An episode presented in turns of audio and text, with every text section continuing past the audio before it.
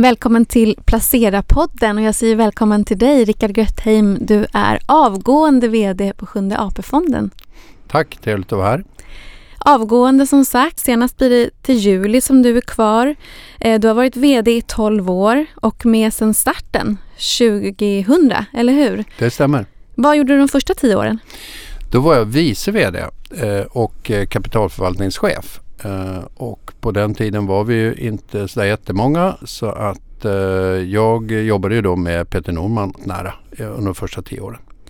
Inte så många sa ni. Jag tycker inte att ni är så där jättemånga nu. Eh, ungefär kring 40 och förvaltar eh, 1000 miljarder kronor knappt. Eh, hur många var ni då? Då var vi 15 eh, och eh, första inflödet vi fick var 15 miljarder. Så det har ju varit en rätt eh, kraftig uppgång och eh, en intressant resa. Det kan jag tänka mig. Du har varit med såväl superhet IT-bubbla, subprime, global finanskris, eurokris, coronaras, den här senaste tiden av eh, centralbanksboostad tillväxt på börsen och sen så nu inflation och krig. Vad tar du främst med dig efter de här åren? Ja, det jag främst har med mig är vikten av långsiktig strategi när det gäller att förvalta kapital så som vi gör, en pensionsfond. Och också inse att eh, om man är i riskfyllda tillgångar som aktier då kommer det gå upp och det kommer gå ner men det kommer gå mest upp. Och vad är då den största lärdomen? Om man liksom tänker tillbaka, oh, det där hade vi kunnat gjort annorlunda. Ja, alltså vi hade ju om man tittar på en graf för vår avkastning så ser man att de första tio åren var rätt eh, nära vad snittet i premiepensionssystemet hade och sen har vi då eh, gått ifrån kraftigt när vi då tog större risk. Så att eh, möjligtvis skulle vi varit på politikerna och ändra i, i lagstiftningen och tillåta oss att ha högre risk tidigare. Eh, det kan man ju tycka. För ni får ha en hävstång? Ja.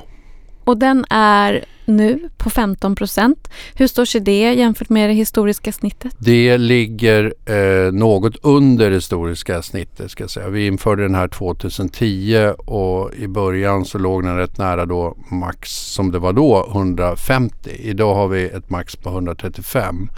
Eh, så snittet ligger väl snarare på 125 kanske. Eh, så det, det är en lägre risk i portföljen. Och eh, nu efter den här nedgången vi har sett, även om det har gått upp nu eh, i år, fortsätter ni ligga då på 15? Vad är det som krävs för att ni ska gå upp där lite? Vi, vi har ju eh, ett riskramverk som vi säger. Vi, vi, vi, följer ett antal indikatorer, typ P tal och andra saker eh, som vi plockar ihop och, och, som då ger oss vägledning i vart hävstången ska vara. Och eh, när alla de där blinkar eh, grönt då i det här fallet så, så skulle vi nog eh, öka risken eh, i det här läget som jag ser. Men där, där har vi inte riktigt varit ännu. Vi har fortfarande inte fått någon eh, årsredovisning för 2022. Men om man läser årsredovisningen för 2021 så tar ni upp inflationsrisk geopolitisk risk bland annat. Hur kommer det sig att ni inte sänkte eh, risken mer då? vi Eller hävstången? Ja, hävstången. Ja, vi tyckte att eh, om man tittar på vår utveckling av vår portfölj så har den ju blivit mer och mer diversifierad. Vi har gått in i lite andra så säga, aktierelaterade tillgångar så att den, den, ha, den har lägre risk eh, per se. Så att säga. Och, då, och sen har vi, har vi de här 15 procenten. Vi tyckte inte att eh, den eh, risknivån skulle ta, tas ner ytterligare. Det här är inget liksom timinginstrument utan vi ser det lite på lång sikt och vi tyckte det var, var rätt bra nivå som vi hade. Och vad krävs då för att man ska gå ner på noll? Det skulle ju vara att eh, man tror att, eh, eller de här indikatorerna visar att eh, ja, vi har kommit tillbaks då till en eh, övervärdering av börserna och, och att vi bedömer att det blir en fullständig krasch liksom framöver. Då skulle vi nog kunna dra ner det mer som förra året, då går det ju lite sämre då för er än för många andra globalfonder. Och jag tänker att eh, man sitter där eh, och tittar i den här statistiken när man väljer sin PPM-fond. Hur ser du på lite av ett så pedagogiskt problem att, eh, för folk att förstå att det faktiskt är en hävstång och att eh, det ändå lönar sig i längden, i alla fall hittills? Det där är givetvis svårt att eh, Eh, att kommunicera. Eh, om man går in på vår hemsida så på första sidan då får man en graf med den långsiktiga utvecklingen. Eh, oss relativt då de privata fonderna. Och den, den, den uttrycker ju rätt tydligt just eh, vikten av att vara långsiktig. Eh, sen eh, eh givetvis kommer ju medierapportering och annat. Det var ett korsperspektiv men, men det är då min roll att försöka eh, eh, få fram att det här är faktiskt ett sparande på 40, 50, kanske 60 års sikt. Och då spelar inte det här någon roll. Men, men, men det är ett, svår, ett svårt kommunikationsproblem givetvis. Och om vi ser till eh, de senaste åren så har ju ni haft en jätte, jättemedvind i ryggen med den svaga kronan. Men nu är vi i ett annat läge. Vi går från rekordsvag krona i höstas och mot en förstärkning snarare. Är det också ett pedagogiskt problem och eh, gör ni någonting för att skydda er mot det här? Det är en jättebra fråga. Eh, vi har historiskt inte gjort någonting för att eh, eh, ändra viktningen i, i, i valutaexponeringen och som du mycket riktigt säger så har den ju varit en av anledningarna till att vi har klarat oss bättre än en Sverigefond till exempel under förra året. Vi håller på att titta på den frågan om, för vi har ju 60% av eh, portföljen till exempel i eh, amerikanska dollarn. Och det är en rätt kraftig vikt mot just dollarn. Eh, och eh, om, vi, om vi kan hitta ett ramverk för att, så att säga, skydda spararna även för den typen av risker så kan vi överväga det. Men vi är inte riktigt där ännu. Och är det någonting som hur, hur snabbfotade är ni där? Är det någonting som skulle kunna arbetas fram inom de närmaste månaderna eller pratar vi år? Nej, snarare månader än år. Om man då tittar tillbaka, som du säger, när ni började med eh, Sjunde AP-fonden, du sa 15 miljarder. Hur har arbetssättet skilt sig jämfört med då och nu? Vad är liksom den största förändringen? Jag skulle säga så här, eh, vi, vi har kvar grundkonceptet och det är att vi, vi tror på att anlita när det gäller själva kapitalförvaltningen de bästa i världen. Eh, och då har vi en väldigt mycket eh, en indexportfölj och då anlitar vi sådana som Blackrock och Northern Trust som är eh, väldigt duktiga och, och, vi kan få det till billigt pris. Eh, och det gäller alla tillgångslag. Eh, vad, vad som har hänt under de här åren är att två områden har blivit eh, mer och mer viktigt. Eh, dels efter finanskrisen så kom eh, det här med risk och compliance. Så att vi har blivit fler människor för att liksom hålla de krav eh, som, som en, eh, ja, alla fonder men framförallt en statlig fond ska ha i det perspektivet. Och det är också regelverket som har ändrats. Sen har då hållbarhetsfrågan blivit viktig. Den har ju vi drivit och försökt vara i framkant ända sedan starten.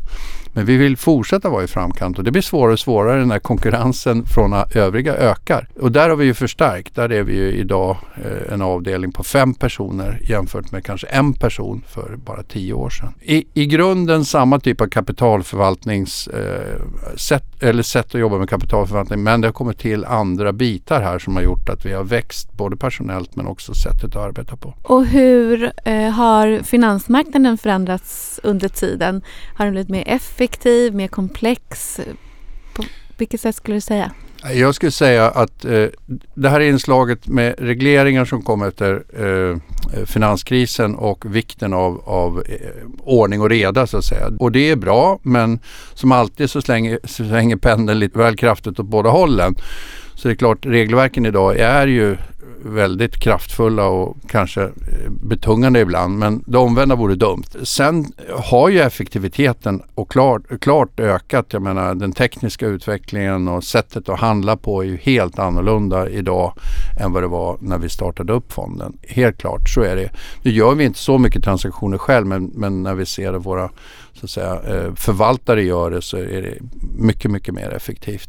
Däremot kan jag tycka liksom att eh, eh, marknaden och hur marknaden reagerar och, och, vad den reagerar på, det är ungefär samma sak. Ni har ökat andelen onoterade aktier för att minska risken, eller hur? Hur stor andel onoterad har ni nu? Så här är det, vi, vi har ju ja, det som kallas då private equity onoterat ungefär 4-5 procent idag. Eh, den lagstiftning som gällde fram till årsskiftet var ju att vi fick ha max 10 men det var på så kallat committa kapital, det vill säga det man har utfäst, inte det man hade investerat. Så investerat är vi 5, 5 men utfäst är mer.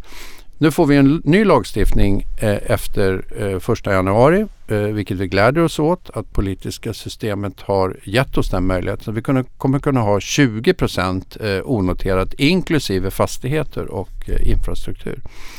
Vad tycker och du om det? Det tycker jag är jättebra. Det kommer göra en, ge en mycket, mycket bättre produkt för spararen.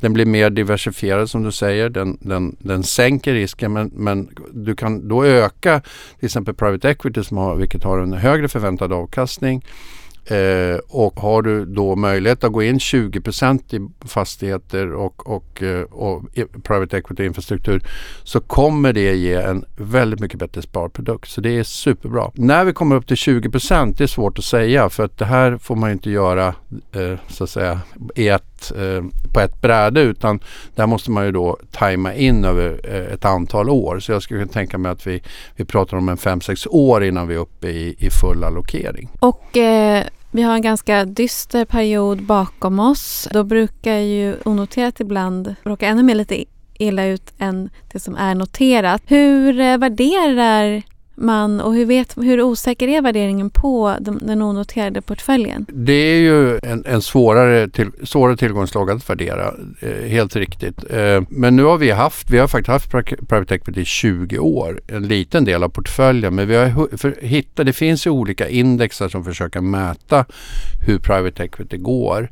Eh, och så kan man bilda liksom proxys, eh, statistiska metoder för att hitta en värdering även på, på daglig basis som rätt bra beskriver vart man är. Men det är klart det är först vid årsskifte eller kanske halvårsskifte när man sätter sig ner i de här eh, fonderna och gör en rejäl genomgång av, av innehavet som du får en, en rättvisande värdering. Och som du sa tidigare, ni lägger mycket mer tid på att jobba med hållbarhetsfrågor och ägarstyrning. Kan du berätta lite om de eh, tvister eller de stämningar som är, ni är involverade i nu? Jag tänker till exempel på Microsoft och Activision Blizzard där ni faktiskt eh, själva då eh, har dragit dem inför domstol. Kan du berätta, hur gör ni då? Vi använder ju, vi använder ju ett antal verktyg i våran eh, hållbarhetsarbete då. Eh, och, och de här uh, litigation som det heter då på engelska eller grupptalan, uh, de har blivit mer och mer förekommande det är ju ett sätt att sätta ner foten uh, även juridiskt. Vi, vi brukar säga att vi kan till och med gå till domstol om, ett, om ett bolag missköter sig. Vi, i, I det här fallet så är det ju fråga om lite grann eh, sexuell harassment eh, och kombination med, med att man har Eh, så att varit otydlig med eh, en budgivning mellan de här två bolagen. Men misstanken är ju att, eh, att man har liksom gjort det här för att täcka upp för sexuella tra trakasserier av de här bolagen. Så att de har helt enkelt betalat för lite? Eh, ja. Microsoft har betalat li ja. för lite för Activision Blizzard? Ja, ja. Eh, och att man, försöker, man skyndade på den här eh, processen kanske på ett sätt som inte är helt, eh, helt, helt korrekt. Då, då. Så att, men det här är ju då en pågående process och ja, jag kan inte liksom, gå in i detalj på det givetvis under den pågår. Men, men vi hade ju en liknande stämning mot Alphabet, alltså Googles bolag där man då hade eh, också haft sexuella trakasserier i bolaget och där man i princip hade köpt ut cheferna eh, för att få bort dem istället för att göra någonting åt grundproblemet. Där gick vi också in och, och väldigt tydligt sa att det här gillar inte vi. Eh, vi vill att ni skapar policy för det här, sätter en, en eh, exekutiv kommitté mot styrelsen och gör någonting åt det här, vilket de gjorde. Eh, och det känns väldigt bra för en svensk statlig fond att ha det genomslaget tycker jag mot ett stort bolag som missköts på det sättet. Men är det då, så det är fullt rimligt att och lägga de pengarna och den tiden då, tycker du? Ja, alltså de här processerna eh, eh, sköts ju av amerikanska jurister eh, och de i USA funkar det så att där får man då jobbar mot success fee som det heter. Så att vi tar ingen Eh, legal eller finansiell risk i det här utan det här betalas helt av de, eh, de advokatfirman som vi anlitar även risken att misslyckas. Eh, det gör att vi kan göra det här. Det, I Sverige får man inte jobba så, så där, där, där kan vi inte göra det. Men, eh, men eh, det gör att vår arbetsinsats, eh, det, är, det är i princip jag som då skriver på lite papper, läser igenom papper, åker dit och blir förhörd eh, eh under några dagar. Så att arbetsinsatsen relativt det, det genomslag vi får är absolut värt det. Och hur är det då med en eh, inte amerikansk eh, process som är igång med Volkswagen? Då var det ni tillsammans med eh, en engelska kyrkans pensionsfond och Visst var, var de andra AP-fonderna med också? Ja, ja, ja. Som då eh, har åsikter om deras eh, klimatlobbying. Hur eh, fungerar det då? Man ser ju nu att det här med den här typen av stämningar rör sig utanför USA. I USA får du bara stämma bolag som är amerikanska så att säga. Det, det bestämde man för ett tiotal år sedan. Det gjorde att eh, fokus på att försöka hitta vägar att stämma även i andra länder har, har varit rätt eh, intensiv. Vi har något i Brasilien till exempel, vi har något i Italien och, eh, som pågår. Där bildar man då en fond som täcker upp för risken och, eh, och betalningen som, som då gör att vi kan gå in, ja, men staten kan gå inte gå in i en, bost, eh, i en, en stämningsprocess och riskera att få betala massa pengar om man förlorar till exempel. Det, det, skulle inte funka. Det får inte staten göra. Volkswagen är, är ju två saker. Det ena är då givetvis dieselskandalen och, och hela den biten där man har, har lobbat emot eh, Parislagstiftningen. Eh, men det blir ännu mer komplext för att tysk lagstiftning är väldigt otydlig om man får göra så här eller inte. Får man gå in med motioner på bolagsstämman? Får man liksom som ägare ta ett tag om bolaget? Det, det hävdar ju Volkswagen, nej det får man inte. Så nu blir det också en tolkning av tysk lag där vi har tagit ett aktivt då ledartröja i att försöka få tysk lagstiftning att eh, ja, dels tolka det men om den då tolkas på ett fel sätt att, eh, att försöka ändra den. För det kan ju inte vara så att ägaren eh, står och ser att det är ett hållbarhetsfiasko och inte kan göra någonting åt det. Det här är ju bara en hyfsat liten del av det ni gör med just hållbarhet och så. Finns det en risk att man lite som ni, som ni sa, ni är runt 40 tappar eh, lite fokus på det som är att pensionärerna ska ha så hög avkastning som möjligt. Det får vi aldrig göra eh, och det, det, kommer aldrig ske. Däremot så tycker vi att det är en viktig del i att de 50 procent av svenskarna som är i våran fond känner en trygghet i vad vi gör, att vi gör så mycket vi kan. Och det är givetvis en avvägning hur många personer eh, man ska ha då, då. Men vi, vi, vi, tycker att det är ett ansvar vi har. Nu får vi också en lagstiftning som de andra eh, fyra AP-fonderna om att vara för, föredömliga. Och då tycker vi att vi, vi ska lägga de resurserna, alla vi AP-fonder. Och vi är alla, alla i, i världsklass skulle jag vilja säga på det här området. Det, det är det, den så att säga, feedback man får när man är ute på internationella möten. Att vi är jätteduktiga i Sverige. Inte bara AP-fonder, alla eh, fonder är det. Och där säger du något, att vara ett föredöme gentemot andra fonder. Men man kan ju, ur ett hållbarhetsperspektiv så kan man ju bedriva den typen av arbete på olika sätt. Jag vet att eh, eh du har haft en ganska hög svansföring och sagt att välja bort är inte en bra strategi. Men det betyder ju då alltså att man som eh, fondförvaltare eller fondsparare för den delen då gör fel i att välja fonder som inte har så stort klimatavtryck till exempel. Kan du förklara lite mer varför det inte är bra att välja bort? Ja, men det är en jättebra eh, fråga och, och det är helt rätt. Eh, jag, jag och Johan Florén, min hållbarhetschef, skrev ju en DN debattartikel för inte så länge sedan för att försöka förklara hur vi gör eh, och varför vi gör som vi gör. Ja, jag har full respekt på, för att man har olika typer av modeller runt att bedriva hållbarhetsarbete. Eh, jag, jag har inga synpunkter på att man eh, gör, väljer bort på, på något håll och gör något på något annat håll. Det jag ibland kan tycka är att man snarare då säger att jag välja bort är den enda strategin som, som, som är bra. Eh, och jag tror att Dels måste man utgå ifrån vilken typ av fond man är, hur stor man är, vilken typ av, av strategi för förvaltningen som ligger i botten eh, och också vad, vad ens mål är. Vi tycker så här, vi vill förändra världen. Eh, världen förändras genom de bolag som vi är investerade i. Om de inte gör på det bästa sättet. Om det nu gäller mänskliga rättigheter eller om det gäller klimat, Parisavtalet.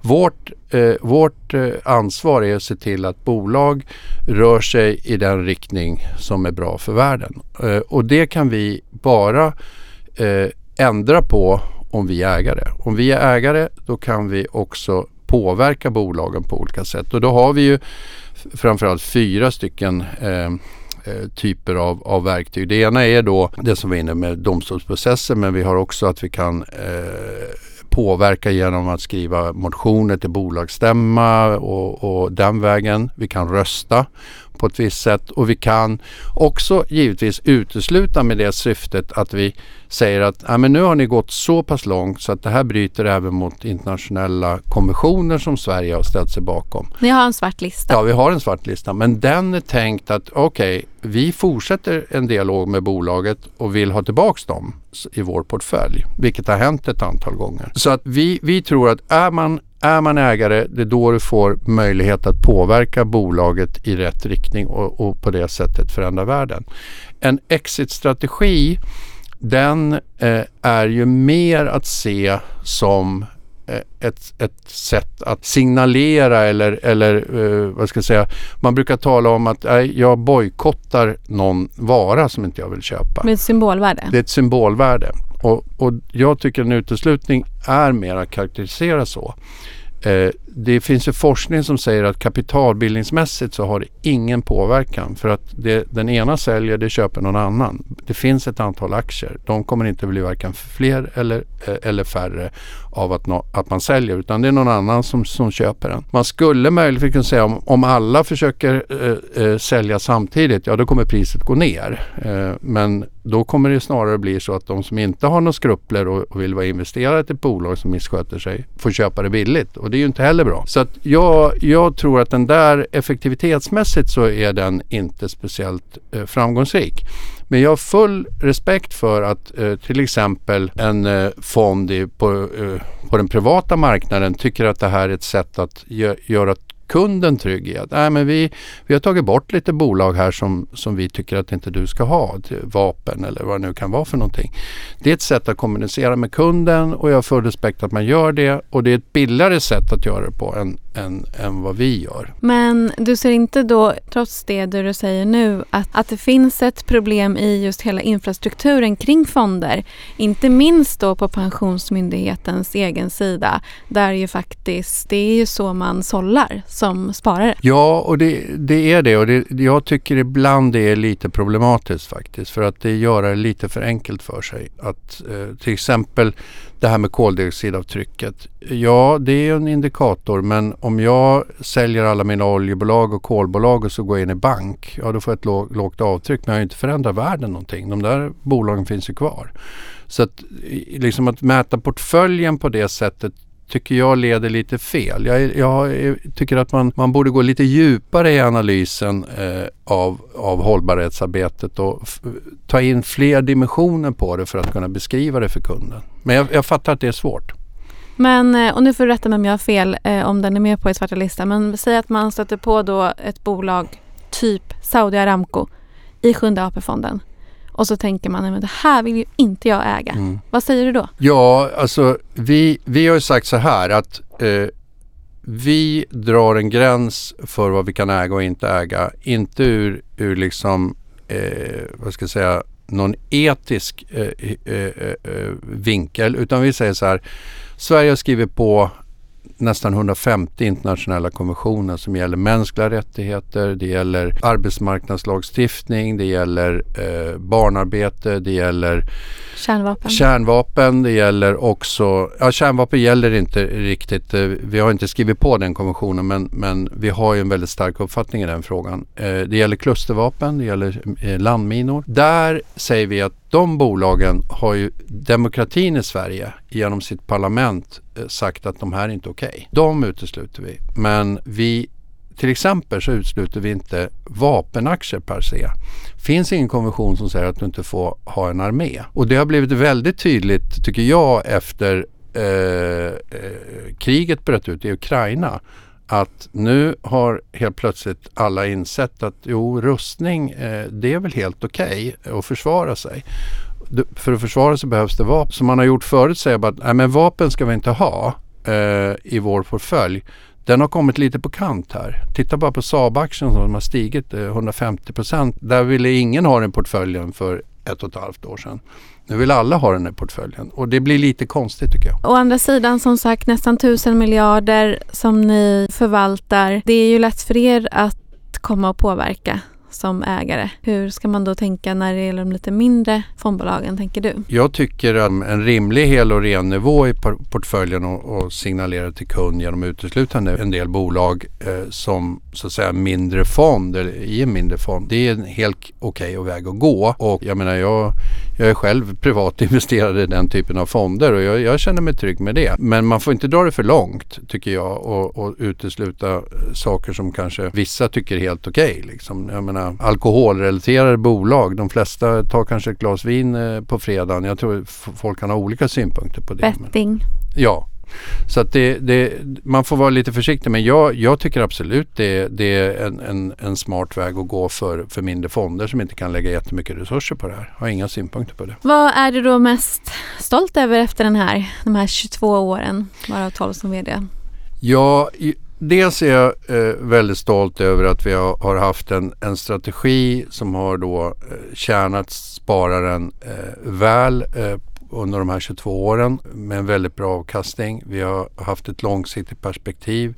Vi har successivt utvecklat fonden över, över tid med, med nya lösningar. Vi kommer in med ännu mer nya lösningar nu eh, här innan jag slutar. Eh, så det, det är jag stolt över att vi har skapat en, en väldigt bra, tycker jag, sparprodukt för premiepensionen, för icke-väljarna. Sen är jag stolt över hur vi har bedrivit det här hållbarhetsarbetet och att vi har lyckats ligga i framkant, stå upp för, för de eh, värderingar som vi tycker är viktiga och, och, och det sättet att, att, jobba på. Så det är väl de två sakerna som jag tycker att jag ja, kan ändå tycka att det är okej. Okay. Hur kommer det sig att det slutar? Nej, jag, jag är ju 60 plus. Jag eh, tycker att man ska tajma sin avgång på ett bra sätt. Vi har kommit ur pandemin. Vi börjar normalisera arbetslivet. Vi har ett läge där våran styrelse har, har liksom blivit varm i kläderna efter en rätt stor eh, om omdaning här för tre, fyra år sedan. Och då tycker jag att då är det ett bra läge att, uh, att kliva av. Och jag tycker man, man ska inte bli för länge heller. Det, en organisation behöver lite förändring ibland. Och det är Paul Bergström? Det är Paul Bergström som kommer närmast från Swedbank som ja, kommer att ja. eh, efterträda dig så småningom där om, om, några månader alltså. Du sitter också i styrelsen för Cancerfonden. Vad ska du göra framöver? Blir det mer styrelseuppdrag? Ja, jag kommer nog eh, försöka hitta lite rådgivnings och styrelseuppdrag i lagom omfattning. Uh, jag har också lovat uh, mig själv att försöka skriva en begriplig kortfattad uh, bok om kapitalförvaltning med mina erfarenheter från AP7. Dag dimper ju det orangea kuvertet ner för de flesta, i alla fall de med digital brevlåda tror jag. Vad skulle du ge för tips till alla PPM-sparare där ute? Allmänt råd är ju att det kan nu tänkas stå lite minus här och där, men tänk att det här är på lång sikt. Även om man går i pension nästa år? Ja, det är fortfarande på lång sikt. Om man lever till mer livslängd så är det för en kvinna nästan 85 år. Så man ska med andra ord eh, kanske byta till aktiefonden eller till, istället för soffan eller? Äh, soffan tycker jag är rätt bra balanserad. Det finns nog ingen anledning att, att, att spekulera i, i det. Men, men det är klart, vill man ta risk så kan man göra så. Tack så mycket för att du kom hit Rickard Grötheim. Tack så mycket för att jag fick vara här.